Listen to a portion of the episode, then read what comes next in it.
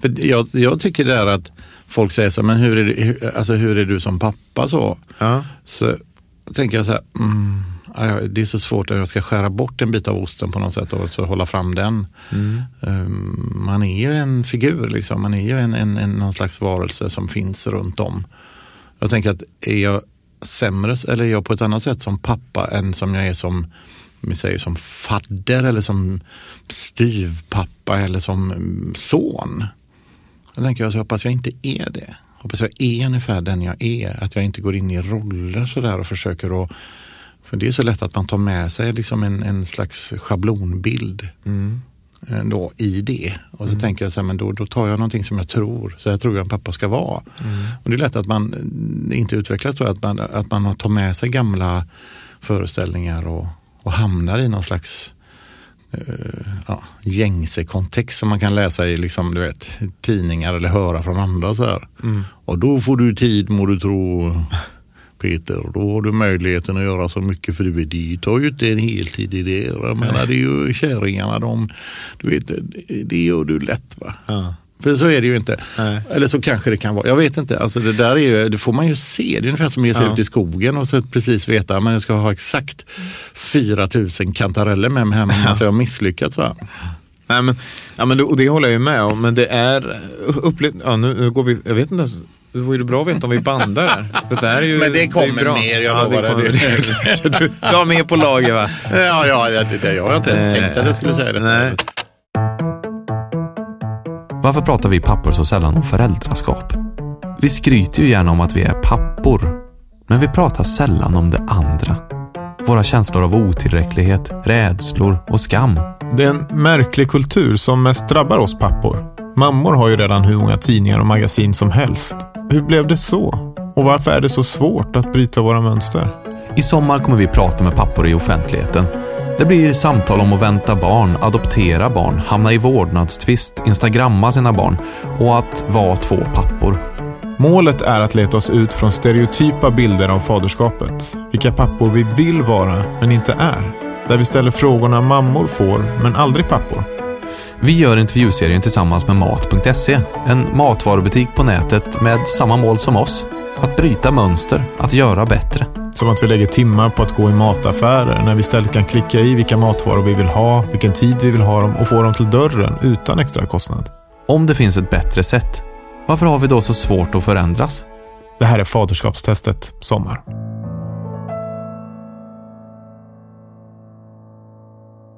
Dagens gäst, nu jädrar, Peter Apelgren. Det här är ju Göteborgs eh, humorgud. Ja, inte bara Göteborgs.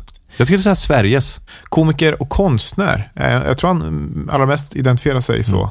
En av anledningarna till att vi gör den här podden är ju att vi tycker att det lyfts för lite, de här frågorna. Vi pratar för lite om att vara förälder. Vi män alltså.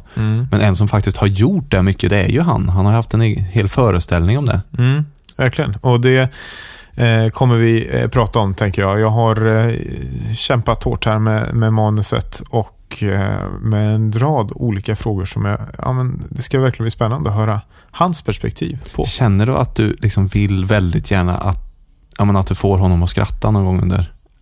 att du känner den pressen ändå? att, han, att han då känner att Vilken härlig kille you're worthy. You're worthy. Ja, men det hade jag haft om man haft några ambitioner på att vara en komiker. Här har vi honom då. Peter Apelgren.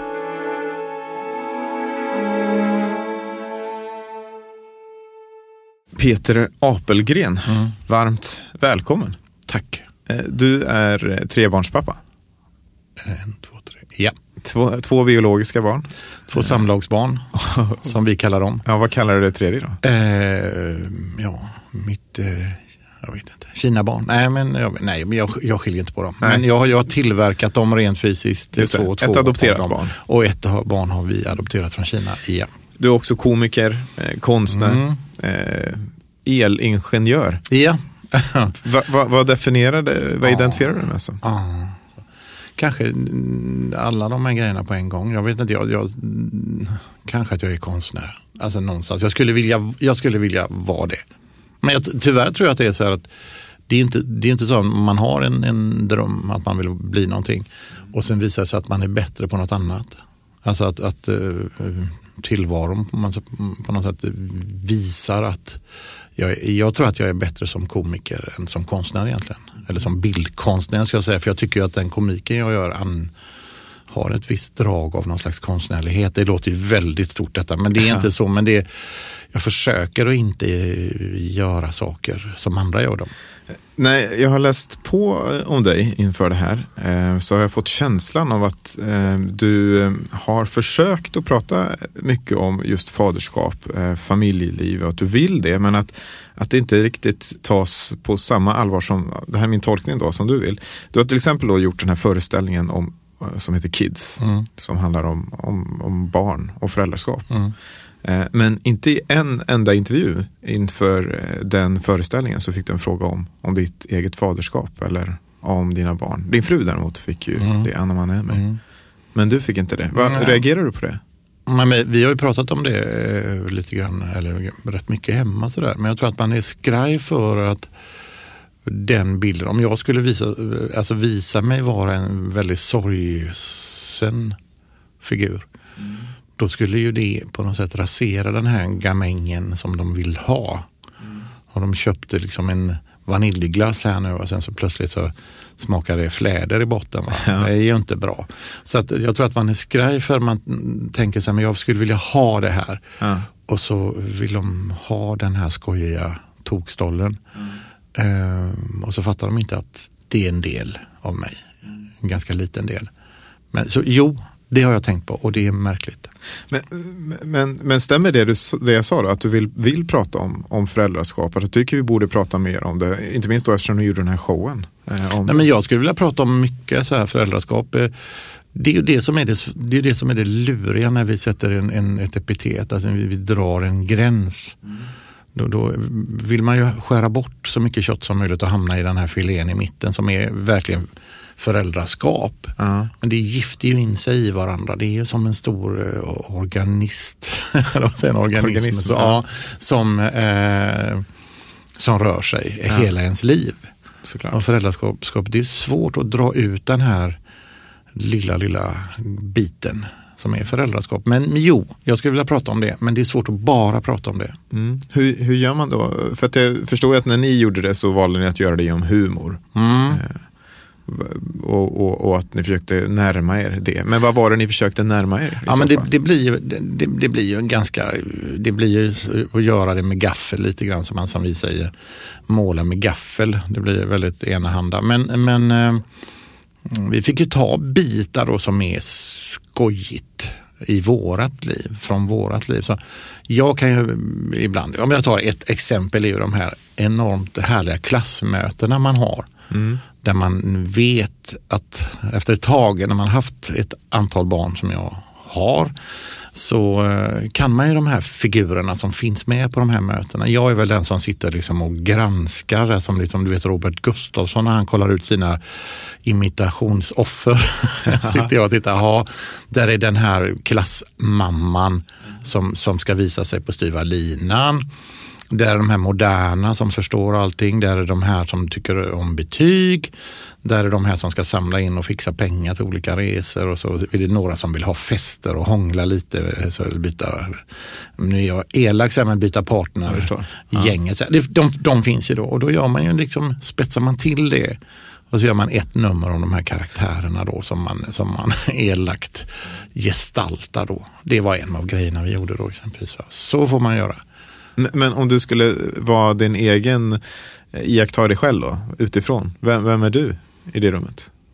I papparummet? Eller? Mm, nej, i det föräldramötesrummet. I föräldrarummet, jaha förlåt. Ja, det är inte för så tidigt. Ja.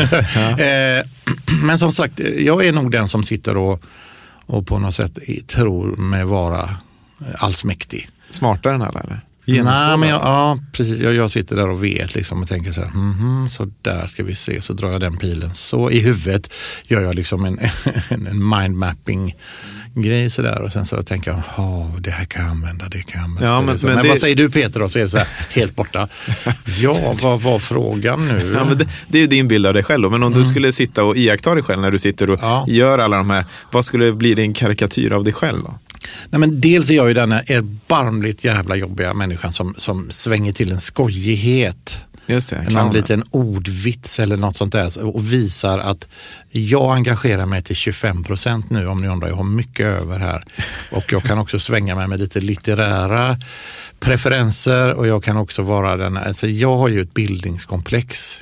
Jag kan ju inte få nog av kunskap i mitt huvud på något sätt som jag ska då på något sätt kvasi inte briljera, briljera med. Om du fattar. Alltså så jävligt jobb. Ja, men det ska vara bara läcka ut. Jag ska vara sådär, Mästra klappa då folk på huvudet Ja, så jag förstår. förstå dem. Okej. Jag har grått ut nu Agneta över ditt eh, till, tillstånd. Ja, alltså, ja, eh, äcklig. Men jag försöker, jag spelar också en, oh, ah, fy fan alltså jag är hemsk. Jag försöker att- banta bort det där men det är också roligt att laborera med sin egen roll. Och se hur långt man kan gå i de här. Alltså, Så du går in i karaktär. Du, Ja. Blir det olika pappor då på varje föräldramöte? Ja, inte stunden så, inte så utstuderat, men, men lite åt det hållet kan jag ju bli. Tänka, nu testar jag rollen som den, den eh, aktiva. Jag ställer tusen frågor. Alla vill gå hem och jag fortsätter säga, jo en annan grej. Eller så kan jag vara den, eh, du vet den här sitter längst bak, du där och väger på stolen. Just det, ja. Ja, så jag tar, provar olika stilar. Men eh, det är ju, om jag ska vara elak mot mig själv då så är jag ju en människa som man skulle kunna vara utan på de här mötena. För jag bidrar ju inte med så mycket mer än förvirring och någon slags osäkerhet tror jag hos folk. Alltså jag växte upp i Ucklum. Det är en litet ställe kan man säga. Det står på båda sidor skylten Ucklum så här. Åker man, kan man prutta så har man åkt förbi alltihopa. Så här. Det går väldigt fort alltså. Man la in heltäckningsmatta på 70-talet i Ucklum. Alltså det gick på 200 spänn. Fick man skära bort en stor bit så kunde man lägga in i Stora Höga och Svenshögen också faktiskt. Pappa följer med till skolan varje morgon så där, för han går ofta i samma klass. Så där är det. Jag vet eh, Pappa skulle lägga in sån här, så kan inte vi ha golv? Jo, Du golv- är ju eh, uppväxt i Ucklum utanför eh, Göteborg. Mm. Det känns som att du gärna vill låta det prägla dig väldigt mycket. Alltså du binder dig väldigt mycket till den Ja, men det är ju en, vad ska jag säga, det är, jag är ju lite skrajsen nu bor ju vi i, i Örgryte i sån här liksom, vet, villa och har vänner som, är, som också bor på sådana där ställen. Vi är väldigt sådär äckligt vita nu. Ehm, men, men jag började ju på andra sidan och femman går ju hela vägen ifrån Torp någonstans eller vad det nu går. Nu går den väl till eh, ända bort till sjukhuset. Men sen gick ju från Biskopsgården och där började jag ju min tid. Upp där någonstans.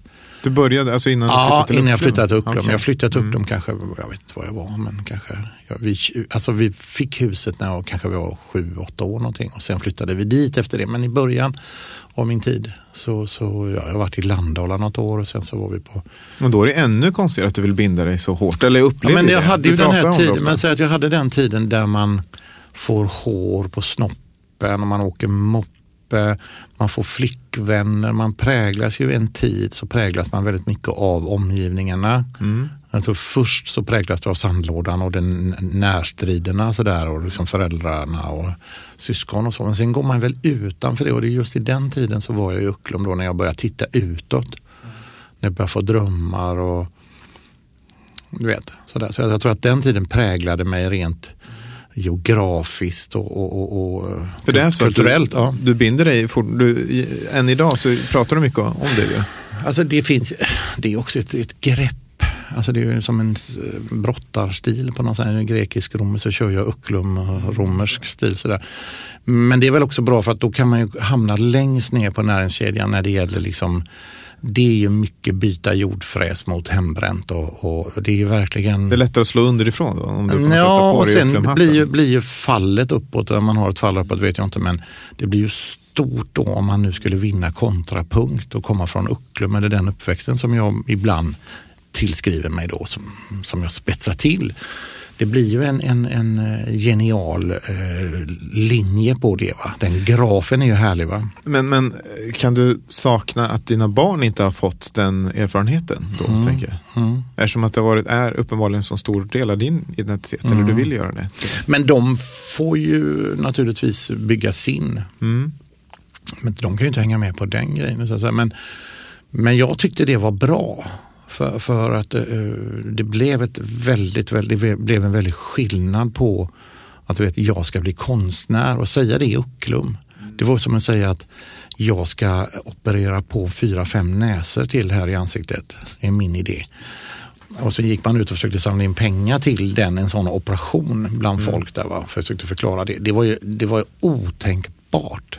Men för att när man har någonting som har byggt ens identitet eller påverkat den så starkt så jag kan känna det hos mig själv att jag kan sakna att mina barn inte får uppleva det som jag upplevde Mm. eller liksom få eh, komma och gå igenom det som den resan som man gjort om man flyttar från en liten stad till en stor eller Mm. kanske gjort en klassresa eller så. Mm.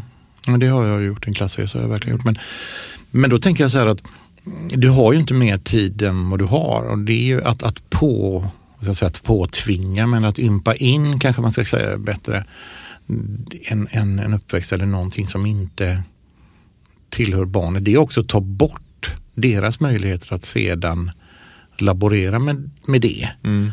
Så att man får inte stjäla deras, alltså även om man tänker att ja, men den, den är inte lika profan, vad ska jag kalla, eh, som min var, så är det ju ändå deras. Så även om den är liksom en, en mer rät linje så är det ju ändå deras linje. Någonting som du kanske inte vill dela är väl din upplevelse av din pappa då som dog. Jo, det, det, ja, pappas död såklart. det finns ju bokfört så det är inte mycket att välja på det. Men jo, det kan jag väl göra. Mm. Nej, men jag menar till dina Mm. barn, det kanske du inte vill att dina Jo, barn jo, ska vi har uppleva. pratat om det. Nej, så menar du. Ja. Inte så. Inte Nej. dela det att jag ska det- det- köra ihjäl mig på väg upp till Borås. Nej, det vill jag ju inte göra. Det känns ju konstigt i 23-årsåldern. Det är ju nästan en omöjlighet också för mig idag. Va? Men, men han dog tidigt. Mm, han dog tidigt. Eh, en lördag eftermiddag när jag var tre år. Han var 23. Han eh, hade gjort lumpen väldigt eh, mm, ja, sporadiskt. eh, han var väl en gamäng tror jag pappa var en liten märklig, man. han var ju 23 år så det var väl inte, han kallades för Lasse Knegaren, han hette Lars-Erik. För att han inte ville, jag tyckte det var roligt att jobba, han tyckte det var roligt att skriva, han skrev lite dikter och sådär, betraktade. Eh, men på väg upp till Borås till något kalas de skulle ha där, eh, han och några kompisar, satt bak i bilen. Bromsades in någonstans där vid skidbacken uppe i Bollebygd där. Och dörren öppnade sig på hans sida av någon anledning och han rullade ut i 50 kilometer. Rullade på ett träd och bröt nacken och inte något märkvärdigt. Han satt där och sen var han död. Och på morgonkvisten då, vi, han kom ju inte hem och det hade mamma inte väntat att han skulle göra heller. så. Mamma var 21 Eh, och då bor vi i, på hissingen på eh, eh, Herkulesgatan, alltså nästan med Sveriges Radio där någonstans som, som det ligger idag. Och då kom en präst och en polis och berättade att ja, nu, nu är, har din man, men de var inte gifta, alltså, men, men Lars-Erik då hade dött. Och sen så gick de. Och sen var det, oj då, ja, det här kommer inte jag ihåg, men mamma har ju berättat det, det, var en, det är naturligtvis en väldigt märklig grej. Och jag tror mamma blev ganska dålig efter det. Att hon det var konstigt för henne naturligtvis. Och fick väldigt panikångest och jag vet hon mådde jättedåligt. Och vi fattade inte vad det var. Vad, vad fan var det med henne? Så jag märkte ju det när jag växte upp att hon var väldigt känslig för vissa grejer. Och ibland ja, blev orolig och fick, fick ångest. Och kanske att det kom från den biten bland annat. Då. Men så var det. Och det var ju inget märkvärdigt för mig då. Jag kommer inte ihåg honom så. Det var ju mer när sen alla andra åkte iväg med sina pappor och gjorde grejer och det var så här, men vänta nu, jag ska inte jag ha en också? Är inte det? Varför har jag ingen pappa? Så här, jag fattade inte det i början. Men sen blev det ju lite jobbigt då när jag förstod det. Och du fick, en styvpappa kom in i bilden. Ja, också, det var en bit senare då. Alltså han kom väl in kanske då, en, jag vet inte, tre, fyra, fyra år kanske efter och så träffade pappa, eh, mamma, min styvpappa då, Kenneth. Jätterar eh, kanonkille va. Ganska ung, han är ju, var ju ännu yngre än mamma då, typ fyra år yngre. Så han var ju bara en, en pojk nästan va. Så att han var kanske då 21 när han kom in i mi- mitt liv. Men jag tror inte jag anammade honom som pappa som som en ersättning någonsin. Så att jag var nog ganska jobbig där. Alltså kände mig väldigt så här, nu hade jag en chans att på något sätt utskilja mig själv eller särskilja mig redan då. Så då blev jag nog den här lite om att nej jag är inte med er. Och, Det var olyckligt. För det hängde på i liksom under hela... Att du kände att du blev mer autonom, liksom, att Mm, du mm. isolerades. Autonom är bra. Ja, ja. Ja, jag isolerade mig nog tror jag. jag gjorde, det, det var ju ingen som gjorde det. Nej. Utan det var ju någonting som jag tog i varje tecken på att ett slags utanförskap och passade på. Det räckte ju att min, jag fick ju en bror då eh, som var min halvbror som det då kallas. Eh, Mats och så fort jag tänkte så här, men han fick finare presenter än vad jag fick eller en jul så, så fabricerade jag ju liksom, jaha, mm, mm, jag fattar jag precis, ja, men jag är inte lika mycket värd. Men vänta ni era jävla as, så ska ni se en som kommer att bli professor. Är det, Så var det småningom- Ja. Det odlades en sån slags Ja. revansch. eh, Ja, tror det tyvärr. Alltså det här har jag ju, jag är ju väldigt eh, vän av psykoterapi och eh, har ju gått många varv sådär Ja. och pratat om det här. Ja. Mm, men det har jag kommit fram till att det är en av mina ben då. Är det mina... En drivkraft då på något sätt. Ja, ja. Tyvärr, det är ju inte alltid bra. Hur är din relation då idag till de här eh, tre personerna då? Ja, eh, väldigt okomplicerat egentligen. Jag tror att de har en komplicerad relation de emellan. Ja. Eh, men jag är inte, jag är fortfarande på, på flyen då, vad ska jag säga. Jag är en bit ute för kommer in liksom och kan, kan eh, gjuta vatt, vatt, eller olja på vågorna där. Va? Och säga De bor i Ucklum fortfarande. Ja, då bor, mm, min bror bor i Stenungsund, en liten större ort. Och min mamma bor i Ucklum och pappa bor i skogen då, alltså där vi växte upp. Där bor han kvar. Okej. Han är lite dement nu och lite rörig, så mamma, eh, de är skilda sen ett bra antal år tillbaks. Men de har nog en ganska komplex relation de här tre. Men de är ett kluster och jag är en satellit som svävar runt dem Okej. och, och tittar ner på dem så jag tycker att stackars er. Ni vet ju inte vad, vad pesto är knappt va? Ja, Okej.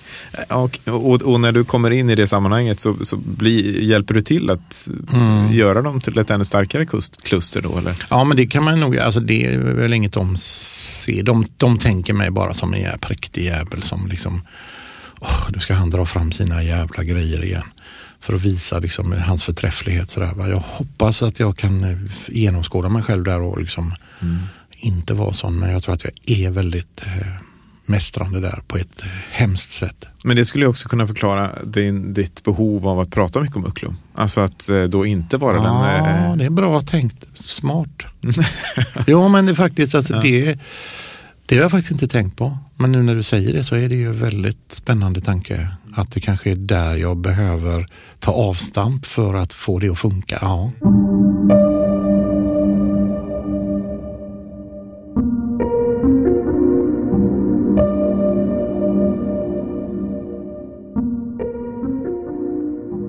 Jag föreställer mig att den här situationen som du har är ovanlig. Att eh, man har både biologiska och adopterade eh, barn. Det kanske inte är så, men du, eh, Mm. Ja, du har också fått dina barn med visst mellanrum då. Eh, 30, 25, 16. har du liksom jämfört jag förstår ju att, att, att det blir dels med, med att det blir eh, liksom mellanrum i ålder så att säga. Men, Mm. men också då att, eh, som du säger, att några är samlagsbarn och adopterade. Liksom har, det, har, det, har det varit pappa på olika sätt eller har det känts som att det har varit eh, olika? Mm, det kan man nog säga. Alltså jag, jag tycker och det tycker nog många med, med mig som har varit med om adoptionshistorien, eh, eh, att det är ett mer jämlikt sätt att Mm. bli förälder. Man är med från början båda två. Just det. Man har, det är ju ingen som har haft det barnet i magen och lärt, alltså bekantat sig med dem. Det biologiska alla, övertaget är borta på något sätt? Då, ja, om det är ett övertag eller om det är ett nederlag. Jag vet inte. Ibland kan ju det vara också, ja. det behöver inte vara ett plus alltid. Nej, det, det kan ju vara, vara också ett band, ett tvångsband som, som kan ta eh, bisarra uttryck. Så här. Men, mm. Eh, jag tror att det är ett jämnt föräldraskap. Att på, på det sättet, adoptionen var ju liksom underbar. Alltså det var så här, här, och så fick man du vet, ett barn i armarna. Så här, det bara, kolla här, du vet det är ju som att få ett Fabergé-ägg gånger miljoner. Mm. En sån gåva från ett land och liksom en, en kines. Fick du som din egen. Så här, man känner ju bara att det var så stort så att det, jag ville bara sparka ut alla andra stick. Nu har jag henne här, ingen får röra henne nu. Det var så starkt. Och den absolut kärlek första sekunden. Jag trodde inte det skulle hända men det, det, det bara slog ju mig som en åsnespark i huvudet var den här känslan. Och den har ju varit kvar. Mm. Och till och med kanske att det ökade min barn känsla för barn i världen på något sätt. Jag, jag är väldigt rädd för att uttala mig nu, som du kanske märker, om föräldraskap och om det är så lätt att vara du vet, så kategorisk. Mm. Och, och, men man blir grymt ödmjuk inför just barn i, i världen, alltså runt om när man ser hur de här flickorna som det oftast var i Kina, hur de hade det, hur de, hur de levde i sina erbarmliga små hem eller i de här um, ja, där de var då. Uh, Ja, för, det är väldigt känslosamt. Ja, jag förstår ja. det. Men för att eh, jag har ju läst in mig på det som har funnits då kring ert beslut att adoptera och förstått att eller i, i efterhand, det kanske är en efterhandskonstruktion också, men att det var ett nästan politiskt beslut att adoptera. Ja, alltså det var politiskt vet jag inte. Jag har sagt att det ni var känns... oroliga över jordens överbefolkning. Eh. Ja, det där är, ja, det, det var väl ett en parameter i det. Mm, naturligtvis ville vi ha barn för, och vi, vi knullade ju rejält kan jag säga. Och, fast så tänkte vi så här, hur länge, hur länge håller vi på innan det här blir löjligt? Ja, för att så, få barn helt enkelt? Ja, och så efter något missfall och lite så här jobbigt så var det så här, och jag hade ju redan när jag var ung sagt till mamma att jag ska inte ha, det var, här var ju någon idiot jävla grej jag fick för mig. Men Salvador Dalí konstnären, han hade sagt att barn till genier blir idioter. Det, det var ingenting som jag menar naturligtvis, men jag sa så jag, jag ska adoptera för det var väl också så här också att kanske att Mats då, min halvbror, var ju någon slags äkta barn. Nu gör jag ett par sådana här mm. chimära kaninöron i, här i luften som inte du ser, men de finns där. Mm. Eh, han var på något sätt blodsband till och jag tyckte det var så löjligt det där. Vad fan, alltså det är ingenting som märks. Om vi ställer oss på en, mm. på en altan så är det ingen som märker vem som är vad. Nej. Så jag sa, då, jag ska adoptera mina barn. Och då bara, nej men ska du verkligen? Ja, vänta och se, vänta och se. Och så fick ja. jag ju två samlagsbarn då. Ja. Eh, så, så det var ju en grej som jag hade tänkt på långt innan. Och Anna var ju heller, var ju heller inte främmande för det.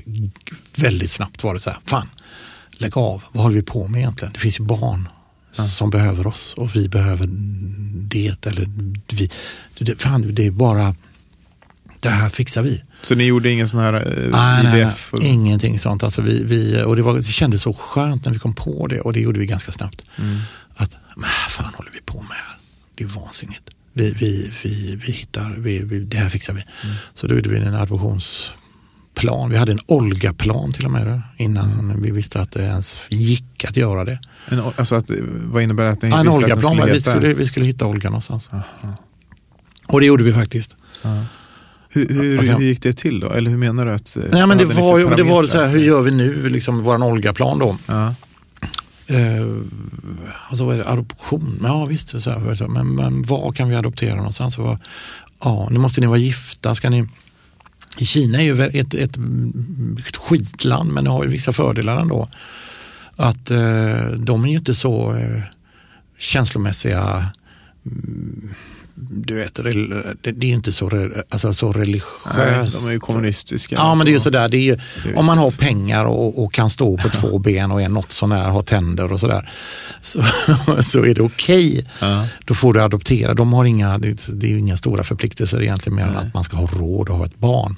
Och att man ska vara liksom, inte kriminell, eller, det, är- de är ju sådana grejer. då. Men det är ju inte sådär att du måste vara trogen muslim och sådär, eller kristen.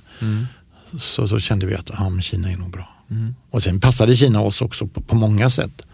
Så nu efteråt känner vi att det var tur att det var just där. Det, det kanske hade gjort om vi hade åkt till Sydamerika så hade det kanske känts lika rätt. Men, men, men är ni, tycker du och ni att, att vi borde liksom ta, fler borde ta någon slags ansvar? och Att vi borde adoptera? Ja men det tycker väl alla, tycker väl du också? Alltså inte Ja, men- borde adoptera om man inte men, men att ta ett ansvar be, be, betyder ju inte att man måste adoptera. Det bästa hade ju varit om man skulle kunna hjälpa eller man, det skulle kunna bli så att barnen kunde vara hos sin mamma och pappa. Alltså sin biologiska mamma och pappa. Alltså såklart.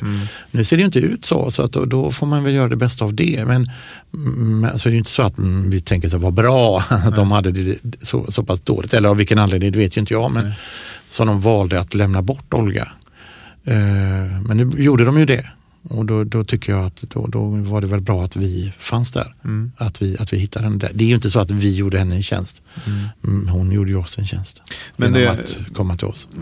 Men det är ute efter det om du tycker att, att vi är för fokuserade kanske här på att, att, att, att få just samlagsbarn. Att, Mm. att vi borde vara, liksom, se det här problemet som vi pratade om som var en parameter som vi pratade om då. En överbefolkad jord och att Ja. det finns väldigt många barn som behöver föräldrar. Och att vi Jag vet inte, ja, det, är en, det är en stor tanke. Jag vet inte om jag ska vara ärlig att det är just överbefolkningen så mycket. För överbefolkningen tror jag är, är en grej i sig. Men just den här synen på barn i världen, just den här politiken som de hade i Kina då på den tiden. Jag vet inte om den finns kvar men jag tror inte det. Men mm, det var ju en tanke då för att rädda någonting som höll på att rasa. Det var ju ingen bra grej men det var mindre dåligt kanske än det andra hade varit då. Men det blev ju eh, märkligt när man inte tänkte på de kulturella eh, skillnaderna på, på pojkar och flickor. Mm. Så att det var ju oftast tjejerna som lämnades bort då, av olika skäl. Och, och, och då kan man tänka att det där skulle man ju vilja förändra på. Att det var lite mer jämlikt någonstans. Va? Nu, så att eh, kanske mer human tanke än en eh, vad heter det, växande befolkningstanke. Sådär. Jag funderar lite just på eh, upplevelser av just att adoptera och sådär. Finns, för den här podden finns det en, en Facebookgrupp där, eh, som heter Fa- Faderskapstestet, pappagruppen. Och där var det en, en pappa som nyligen postade då i en tråd om hur starkt det var när han träffade eh, sitt eh, adopterade barn för första Mm. gången. och sådär. Och Då blev jag så nyfiken på det och frågade mer. Men han var då ganska snabb med att markera att det här vill jag ta privat. Det vill jag liksom ta öppet i, den här, i gruppen. Och jag kunde inte Mm. riktigt tolka det, men fick någon typ av känsla att det finns ett, ett tabu, kanske allra mest kring att jä- jämföra sina känslor med, med eh, ja, samlagsbarns eh, Mm. föräldrakänslor. Alltså alla människor är olika. En del tycker ju att det är vansinnigt svårt att eh, eh, berätta om någonting. Alltså så fort det handlar om dem själva. Så de kan fråga tusen frågor utåt sådär. Hur mår du? Så, men hur mår du? Alltså, ha, men vad fint väder det är idag. Så, så, men fan, vill du inte berätta det så är det, du vet, det är jättekänsligt. Så, att- Eh, Jag, jag läste en, en artikel, det var en journalist som hade sammanfattat eh, er, eller Anna var det nog, så här. Eh, Så här i efterhand har Anna förstått att det finns människor som tycker att det är konstigt och provocerande att hon och maken inte gjorde allt som stod i deras makt för att skaffa ett eget barn. Eh, ja, har de uttryckt det med eget barn? Ja, alltså det var det som jag förstod var, var Ah. grejen. är.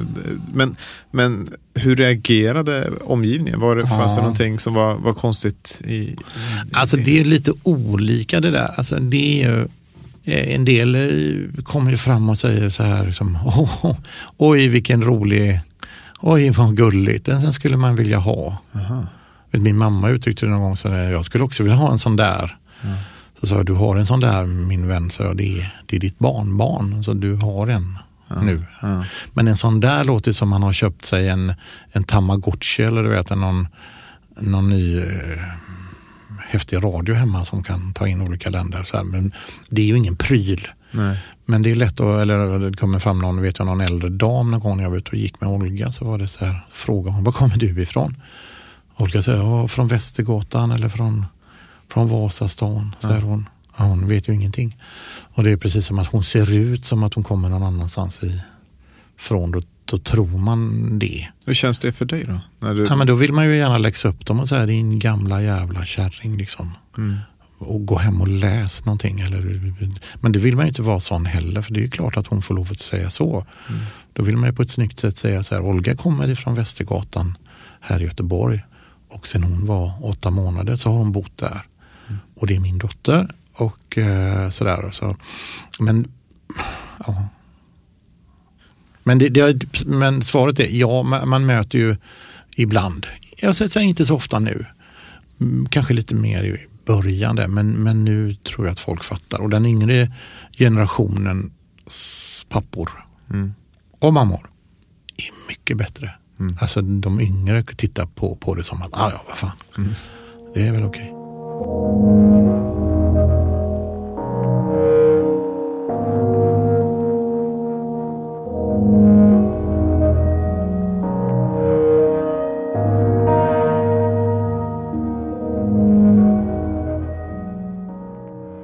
varit pappaledig?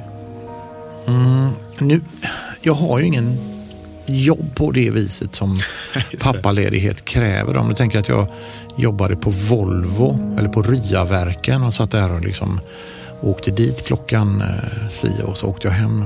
Men har, du har någonting som kanske drar in pengar? eh, För, Ja, jag har ju åkt, försökt att kryssa. Alltså i början av mitt föräldraskap så var jag nog kanske mer sån där pappa som var ute och reste. Den här generationen. Jag gick nog igenom, jag rasade nog igenom det här generationsgolvet och ner på våningen under lite grann, mitt i. Ehm, men nu på de, här, de sista 15 åren kanske, eller 10 åren, så har jag varit hemma mycket och jobbat mycket men inte på de tiderna riktigt. Så jag åkt iväg och jobbat koncentrerat några dagar.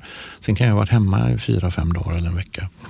Men eh, om man jämför med dig och Anna då. Har, har, har Anna varit mammaledig och du inte varit pappaledig då? Liksom, för att jag antar att det finns en sån slags, som, för att jämföra. Hon har ju ett liknande jobb som du har. Mm. Men hon var vi ju hem, var hemma mer än jag var då i början med Olga. Jag reste fortfarande lite grann. Och, men vi, ja, hon har varit hemma med, med, med Olga när hon var liten tror jag, mer än jag var då. Eh, Men det var inte det att vi inte pratade om det. Vi, vi, vi diskuterade detta. Jag var ju förhållandevis hemma mycket ändå. Och jag har nog varit en väldigt, eh, eller jag är en ganska så kontrollerande pappa på det sättet att jag kollar upp så ungarna har det bra och kör. eh, kör och fixar och donar och grejer och är hemma och frågar dem. Och för, du, du kan inte gå ut så du måste ta på dig kläder, det blir inte kallt och, och sådär. När vi pratar om det, då, är, är du också en, en sån pappa som eh, man gärna öppnar sig till? Mm, Jag hoppas det. Alltså, både och. Som exempelvis nu när min äldste son Hector då, han fick ett jobb på Sveriges Radio. Och då hade han varit lite så här auditions och, och testat och så. Då, när jag fick reda på det så tror jag det var sist av alla. För du kan ju inte hålla käften pappa, var hans. Så då hade ju Anna och Hector då hållit på med detta typ ett halvår. Oj. Och Hon hade då mentat honom liksom, och, och gett honom tips och råd. Och de hade haft en kontakt om hur, den här, eh, hur det gick. Och när han fick den här anställningen så visste hon det i flera dagar innan men jag, jag fick reda på det. Så, jag, eh, så att jag är nog kanske inte bra att behålla hemligheter. Kände du dig sårad på något sätt? Nej. Nej, jag är nog inte vett på det riktigt heller. Nej. Nej, det gjorde jag inte. Men eh, säg att när, när barnen var små då, när de var småbarnsåren, så, vad, Mm. vilken typ av pappa var du då? Vad gjorde du liksom när du var ledig med dem? Alltså jag kanske inte varit en sån som har lekt med barnen sådär jättemycket. Jag har ju mer varit kanske, jag kör lite så här Astrid Lindgren-stylen sådär. Just det. Låter barnen ha tråkigt. Och sen så kan jag ju, Så var det det? ja, men det var ju alltså ett visst mått av, av, eh, vad ska man säga, att avståndstagande till barnen i rummet på något sätt. Så här låter de. Jag har inte varit så styrande, hoppas jag. Kanske som någon slags förebild eller så här, kanske jag har varit det ändå. Men jag menar rent fysiskt har jag, eller sådär idémässigt så har jag inte varit sådär liksom nu jävlar, nu ska vi göra det här och det här. Däremot har jag rest mycket med barnen ett och ett sådär och i grupp. Jag har rest oerhört mycket med mina barn. Alltså för att uppleva saker med, Nej, men för att jag barnen tycker att det är ta bra. med dem? Nej, men jag tycker bra grej att, att, att resa iväg med ett barn. Det är liksom en, sluten, en resa i en sluten värld på något sätt. Man börjar från början, man sitter och har det tråkigt och man väntar på ett tåg eller ett flyg eller vad det nu är. Man åker till ett ställe där det är liksom, "Åh, vad gör vi nu? Men lite att börja om. Att man är, jag tycker det är jättebra det där med en liten en tripp med ungarna. Va?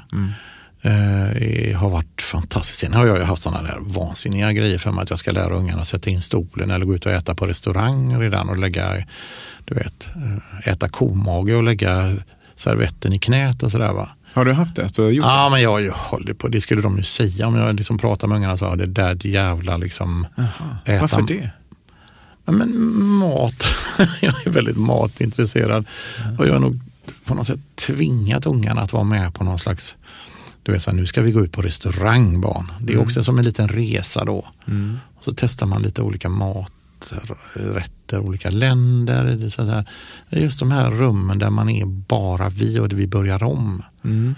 Det har jag tyckt varit bra. Och sen har jag tvingat med de stackarna på på konstutställningar och jävligt tråkiga grejer. Alltså, du vet, så här, konserter och skit. Mm. Stuckit till om böcker. Så här, här borde du nog läsa lite så här. Kulturindoktrinering på något sätt.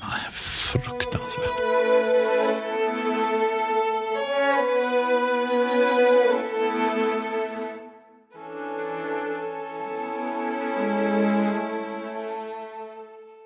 Jag läste att du och din fru Anna då gick i bra ihop för att ni lät varandra vara. Eh, Trots att ni är då olika så fungerar det eh, bra. Att ni är bjussiga mot varandra, inte snarstuckna. Men framförallt att ni delade grundvärderingar. Och då räknades de upp i artikeln och en av de värderingarna var hur man är mot barn. Mm. Att det är någonting som ni delar. Hur, hur är man mot barn? Alltså, vi ser ett tv-program tillsammans nu, jag, Olga och Anna som heter The Cat from Hell. Och det handlar om en, en sån här cat whisper. Du vet som Caesar är en sån doggubbe som åker runt med hundar. Så, här, så är, är han den här killen då liksom som, som vi tittar på nu, han kan det om katter. Och då visar han ju hur man gör med en katt. Hur man inte ska närma sig den hotfullt ovanför. Man sätter sig ner, man låter katten komma fram till dig. Man finns där på kattens villkor. Jag tror det här låter ju hemskt, alltså, men man ska behandla barnen ungefär likadana. Barnen måste välja dig. Alltså, det tror jag vi har, alltså att barnen väljer utan att, alltså så lite som möjligt ge dem dåligt samvete för vad de är. Eh, utan mer för vad de gör i så fall. Och sen, nej, det där var inte bra, men sån är inte du. Alltså det där vill man ju inte säga. Vadå, sån är inte du? Man är ju på väg någonstans, man förändrar sig hela tiden. Utan det där, det var ingen bra grej. Det där var inte bra. Mm, Inte du är inte bra. Eh, Det är väl en del. Och sen så försöker vi nog också, både Anna och jag, att ovillkorligt, alltså de behöver inte förtjäna våran kärlek eller våran respekt. Det är ingenting som man, om man kommer hem med bra betyg så är vi glada. Men vi, det är inte så här, ha, då, då ska vi minsann åka till Legoland här och eh, i tre dagar, för det har du gjort dig förtjänt av. Inte så, utan vi, vi gläds med dem, hoppas jag. Och, eh, men inte, eh, det finns inga villkor i det. Alltså man, man behöver inte förtjäna det. Men det då det här med att barnen ska komma eh, välja. Det är Mm. egentligen det ni säger med katten här då. att man sätter sig Alltså, finns det någonting jobbigt i det där då om man inte blir vald? Eller har, kan, har du kunnat känna det? Ja, men det är det, så är det ju alltid. Det där kommer ju och går. Alltså man hoppas ju att det inte alltid är så. Om man blir bortvald hela tiden är det ju naturligtvis. Det har jag inte varit med om, men det är ju hemskt. Och då kanske man har gjort något fel, känner jag. Va? Så då kanske det är så. Då borde man ju titta på själva eh, ditt tillvägagångssätt eller så. Ja. då får man nog eh, prata med någon om det, varför det är så hela tiden. Hur är du eh, Hur är du när du säger ifrån? Är du en arg pappa? Alltså det är väl, om jag, om jag ska ta ytterligare en svaghet med, mitt, med min papparoll så är jag ju oerhört konflikträdd. Eh, Eller konflikt, jag, jag låter konflikten få en annan form tror jag. Det är nog så skulle nog någon som kan detta säga. Att du, du, du eh, har ju mycket, du har ett sofistikerat verktyg i det där tycka synd om grejen. Mm, Det är synd om mig då. just det. Då, då går jag liksom och så Titta vad jag kämpar här och ingen märker hur jag kör och sliter. Och, ja, ett sånt spel är det säkert. Så att det är inte så flott som det låter. Men kan du bli arg? Kan du bli riktigt eh, tvär förbannad? Nej, nej. Alltså jag, jag, alltså jag kan knappt komma ihåg att jag har blivit det. Jag kan ju bli jävligt arg på någonting. Så här, men då går jag oftast liksom och mm, gör olika dealar med mig själv. Att den ska dö, den, den ska nog bara. Och sen händer det ingenting så rinner det ut sen när det har gått bort. Jag är o- men så långsint som fan. Glömmer inte grejer. Jag är ju ingen. Det är ju ingen fin människa detta som du sitter bredvid. Jag är ju jäkligt långrandig i sånt, sånt där känslomässigt som jag har kvar, liksom känslomässiga grejer så här, som jag går och ruvar på. så. Hämndlysten som fan. Men jag försöker förstå det och försöker då göra något åt det. Men du, och så har du eh, att du kanaliserar det genom skämt också, förstår jag väldigt Mm, mycket. det är Eh, eh, också en brist. Ja, kanske. Eh, Ja. Jag, jag, ser du det som det? Mm. Det är naturligtvis en, ett, an, det är ett vapen. Alltså humor är ju naturligtvis ett, ett instrument. Men blir du trött på dig själv då? menar du? Ja, så in i helvete. Och inget, alltså, för att inte säga, alla andra blir ju det. Mm. Jag, kan inte, jag, jag, jag har ju liksom också en här tvångssyndrom som jag har dealat med. Massor sådana. Det är ju något sätt att hålla, eh, ha kontroll. Det är som att räkna eh, brunnar eller så här, men man går ut och går så ska man gå på jämna stenar eller hinna upp så så många trappor innan dörren slår igen. Och så här. Det där är ju en, en, en, en kontrollfråga. Va? Så att det är som att andas i fyrkant fast eh, väldigt sofistikerat sätt. Men- och- Tvångsmässigt. Men, och det, det är de här de, de depressiva sakerna som vi pratar om. För det har du också pratat om väldigt mycket Mm, mm. Eh, eh, t- tidigare. Känner att det har liksom gått ut över, ja det har givetvis gått ut över allt i din närhet då, förstår jag. Men jag, jag vill ju säga det bara att jag, jag har inga depressioner. Jag är inte depressiv. Jag är inte manodepressiv eller depressiv överhuvudtaget. Jag är ångestfylld. Mm. Jag är mer, jag är mer, vad ska man säga, uppåt ångestfylld än neråt tyngd. Vad är, vad är det då? Ja, men om du tänker dig, jag är mer av en ADD eller ADHD-figur. Mm. Jag tror inte jag har ADHD, men det vet jag inte. Men, men jag, alltså jag är, har mer den läggningen, den maniska läggningen, än den um, ADD-läggningen. Liksom den här inte, inte få impulser. Jag får väldigt många impulser och får handskas med det. Det är lättare för mig att dra igång tusen grejer än att avsluta dem. Så, så är det nog. Men så att ångestriden har jag ju varit. Mm, Inte nu, alltså det ju, sen några år tillbaks är det ju helt märkligt att inte vara det. Jag har varit det hela mitt liv. Men nu är jag inte det längre. Och varför vet jag inte, om jag har dealat med det eller eh, om det är en medicinering. För jag, jag äter antidepressiv medicin och har gjort det en tid. Och är väldigt noga med att berätta det, för det tycker jag också är viktigt att säga. För det är en del av mitt... Jag tror jag har blivit stabilare som pappa i och med min medicinering. Men innebär det också att du har börjat skoja mindre så att säga? Jag skojar nog på ett annat sätt idag. Alltså jag är inte så tvångsmässigt skojar. Utan jag kan plocka fram det nu. Jag kan handskas med de här figurerna som den här Dr. Jekyll och Mr. Hyde Apelgren. Eh, lite lättare. De finns i olika rum nu. Jag kan liksom låsa upp och låsa in. Din son sa i någon intervju att när pappa gör ett jobb är han rolig på ett proffsigt sätt. Han gör det han vet funkar. Hemma är han rolig på det ärliga sättet. Ganska barnslig. Jag kan säga saker som får honom att skratta som att inte får någon luft. Wilmer. Ja. Sa det. Ja. Stämmer det? Eller? Ja, jag hoppas det. Det låter ju väldigt flott. Alltså det, låter ju, det låter ju helt fantastiskt.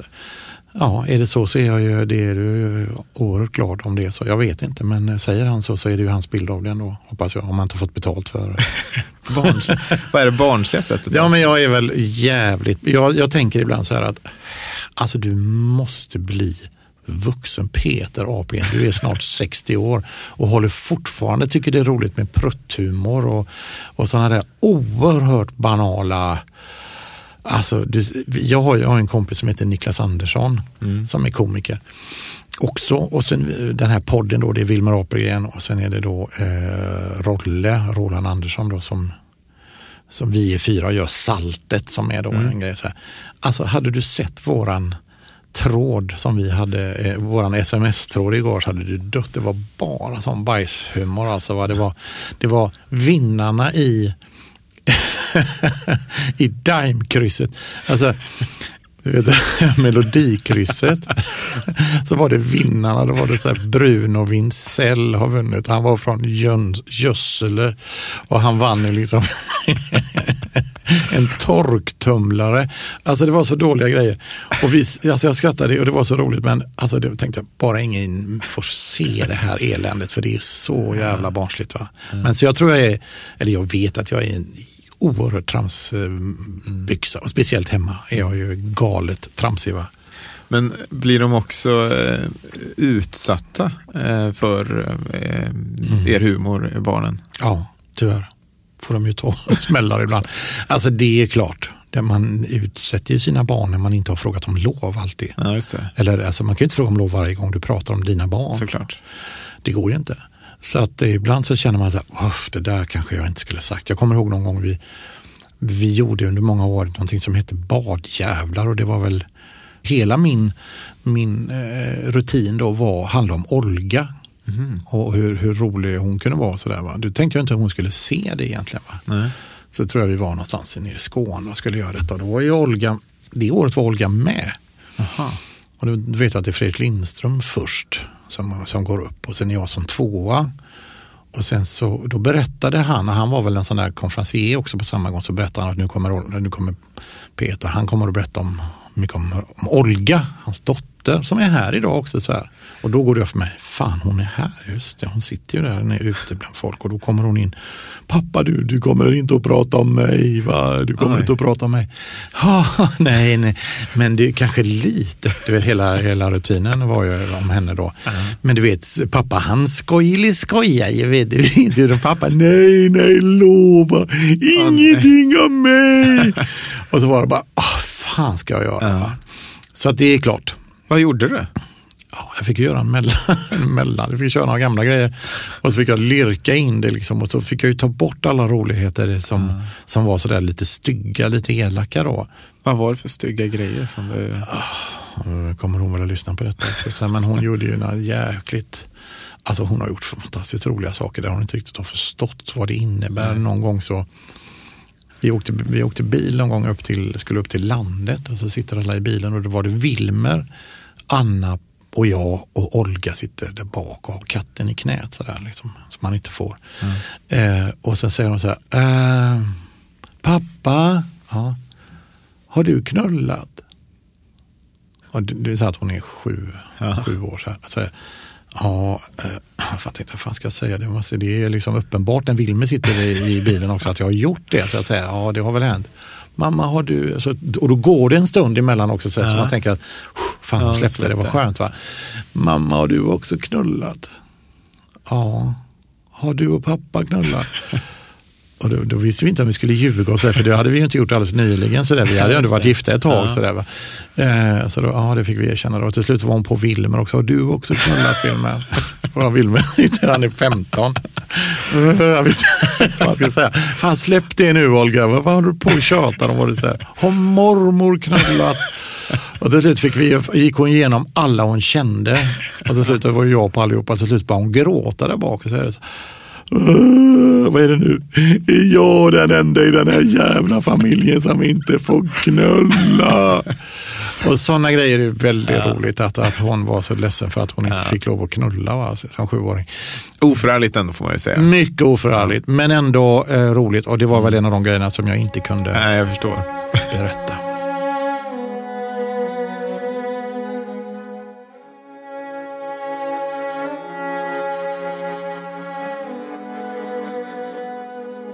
Om jag pratar med dina barn, ja idag eller om, en, om några år, Ja. hur tror du de kommer sammanfatta dig?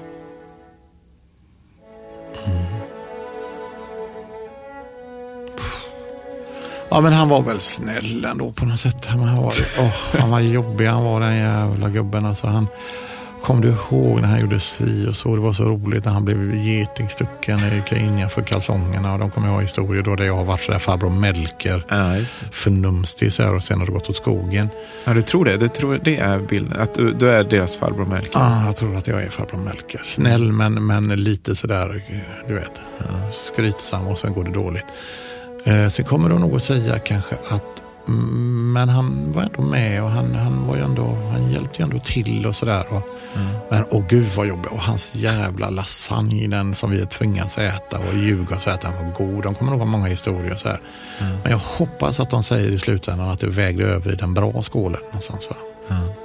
Men de kommer nog inte att bara hylla mig. jag är rädd. Men vad, vad, om, du, om du skulle utveckla den bra skålen, vad är det du vill att de ska... Men jag skulle vilja att de, att de sa så här, men han lät oss vara också. Han lät oss vara de vi är. Alltså han lät oss utvecklas och hade inga eh, skrupler whatsoever som vi kom dragandes med. Så han var stöttande i våra val.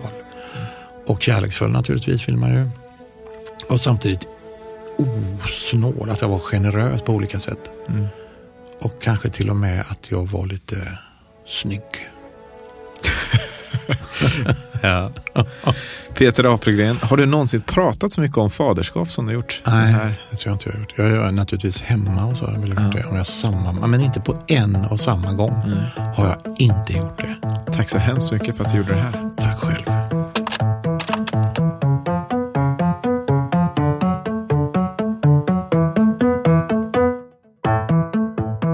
Faderskapstestet görs i samarbete med Mat.se. Använd koden PAPPA så får du 200 kronors rabatt om du handlar för mer än 500 kronor. Då får du alltså dina matvaror direkt hem till dörren den tid du vill ha dem för samma kostnad som en vanlig matvarubutik. Varför stå och rota bland de trånga butikskorridorerna i timmar varje vecka när du kan hänga med barnen i en lekpark och klicka hem allt med mobilen? Bryt ditt mönster, använd koden PAPPA på mat.se.